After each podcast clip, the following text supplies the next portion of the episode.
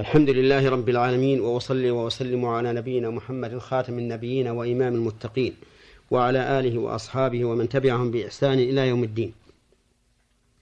أما بعد أيها الإخوة المستمعون فهذه هي الحلقة السادسة والعشرون بعد المئة من برنامج من أحكام القرآن الكريم.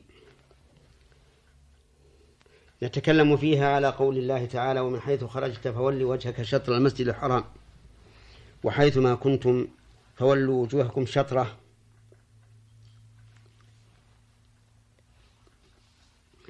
وهذه الآية كما كما هو معلوم هي الآية الثالثة التي كرر فيها وجوب الاتجاه إلى الكعبة المعظمة.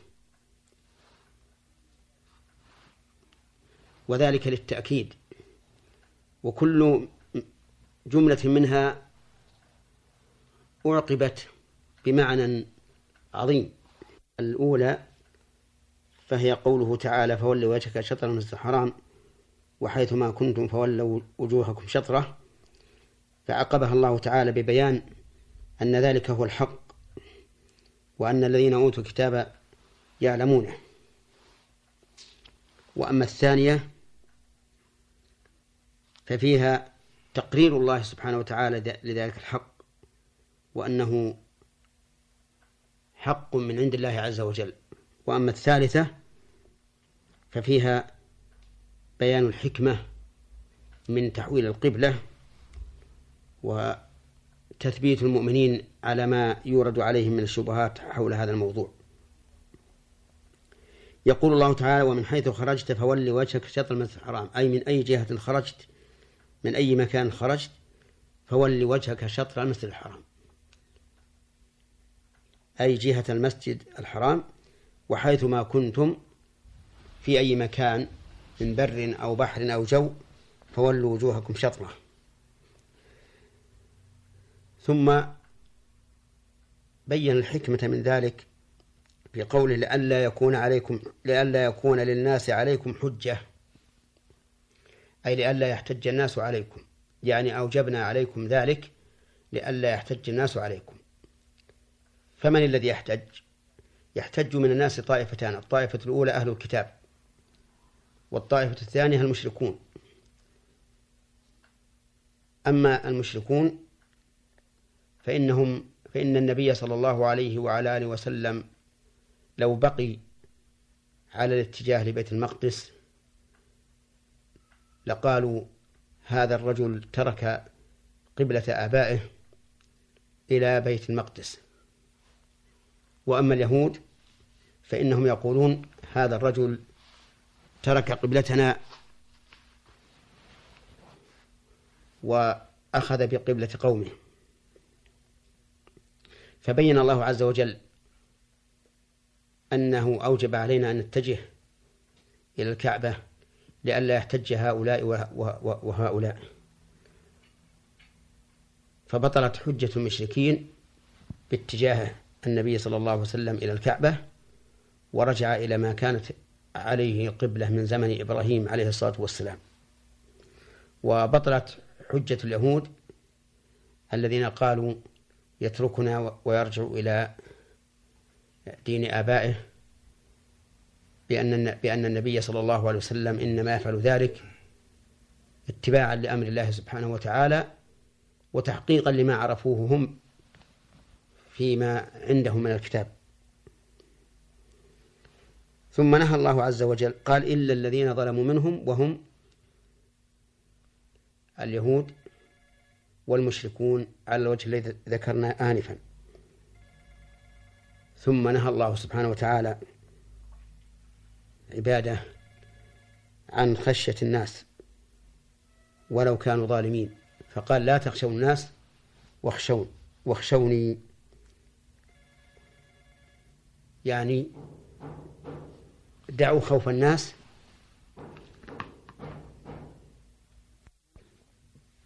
ونهى الله سبحانه وتعالى عن خشية هؤلاء الظالمين وقال لا تخشوهم واخشوني.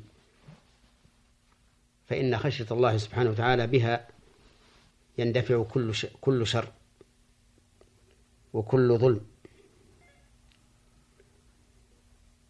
ولأتم نعمتي عليكم ولعلكم تهتدون. هذه معطوفة على قوله لئلا يكون للناس عليكم حجة.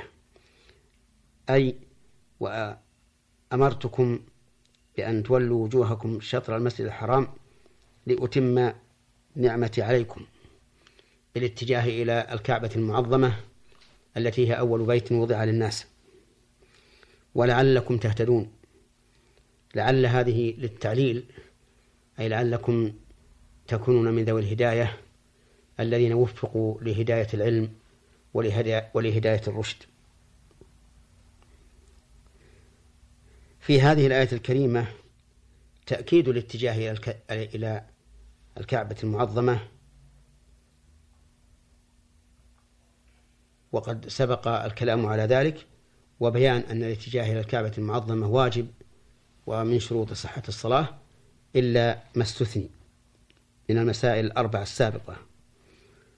ومن فوائدها وأحكامها أن أحكام الله تعالى الشرعية معللة أي لها علة وحكمة وليست لمجرد المشيئة التي ليس لها حكمة ولا أسرار لقوله لئلا يكون للناس عليكم حجة. وفيها رد على من يقول من أهل البدع إن أفعال الله سبحانه وتعالى وأحكامه لا تعلل بعلة لأنه لا يسأل عما يفعل وهم يسألون. فنقول إن القرآن والسنة مملوءة من ذكر تعليل الأحكام بالعلل والمصالح. وأما قوله تعالى لا يسأل عما يفعل وهم يسألون فهو لا يسأل عما يفعل لكمال أفعاله وكونها لا تصدر إلا عن حكمة بالغة. ومن فوائد هذه الآية الكريمة أنه ينبغي للإنسان أن يسلك كل سبيل ليس لا يكون فيه حجة عليه.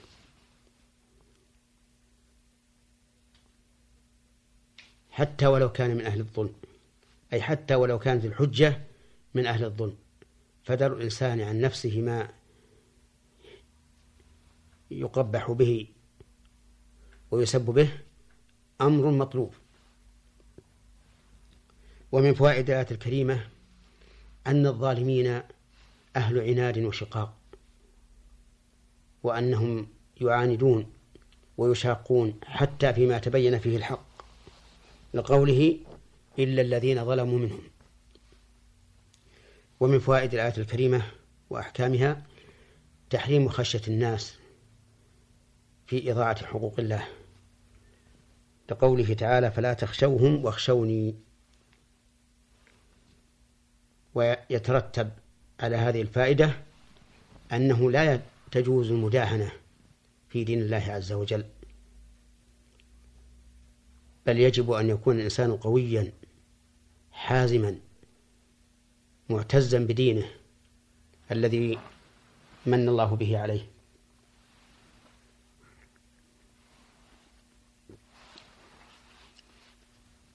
ومن فوائد الآية الكريمة وأحكامها. بيان نعمة الله سبحانه وتعالى على هذه الأمة بإتمام النعمة حيث قال ولأتم نعمتي عليكم. وما أكثر نعم الله سبحانه وتعالى على هذه الأمة الدينية والدنيوية كما قال الله تبارك وتعالى اليوم أكملت لكم دينكم وأتممت عليكم نعمتي ورضيت لكم الإسلام دينا. ومن فوائد الآية الكريمة وحكمها أن امتثال أمر الله ورسوله واجتناب نهي الله ورسوله سبب للهداية. وكلما ازداد الإنسان تقوى لله ازداد هداية. كما قال الله تبارك وتعالى والذين اهتدوا زادهم هدى وآتاهم تقواهم. ولهذا قال هنا ولعلكم تهتدون.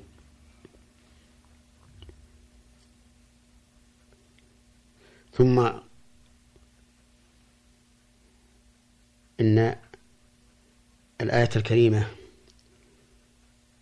تشير إلى أن هناك أناسا ضد الدين الإسلامي يحتجون على المسلمين في كل ما جاء من شرع من شرعهم. ولكن على المسلمين أن يصمدوا وأن يثبتوا على ما هم عليه كما أمرهم الله في قوله يا أيها الذين آمنوا اصبروا وصابروا ورابطوا واتقوا الله لعلكم تفلحون. وأهل العدوان يحتجون أحيانا على القرآن الكريم وأحيانا على رسول الله صلى الله عليه وعلى آله وسلم وأحيانا على ما تضمنته رسالة النبي صلى الله عليه وسلم من الشرائع أو الشعائر. نسأل الله سبحانه وتعالى أن يجعلنا ممن اعتز بدينه وأن يكفينا شر أعدائنا. وأن يجعل شرورهم في نحورهم إنه على كل شيء قدير وإلى لقاء قادم. والسلام عليكم ورحمة الله وبركاته.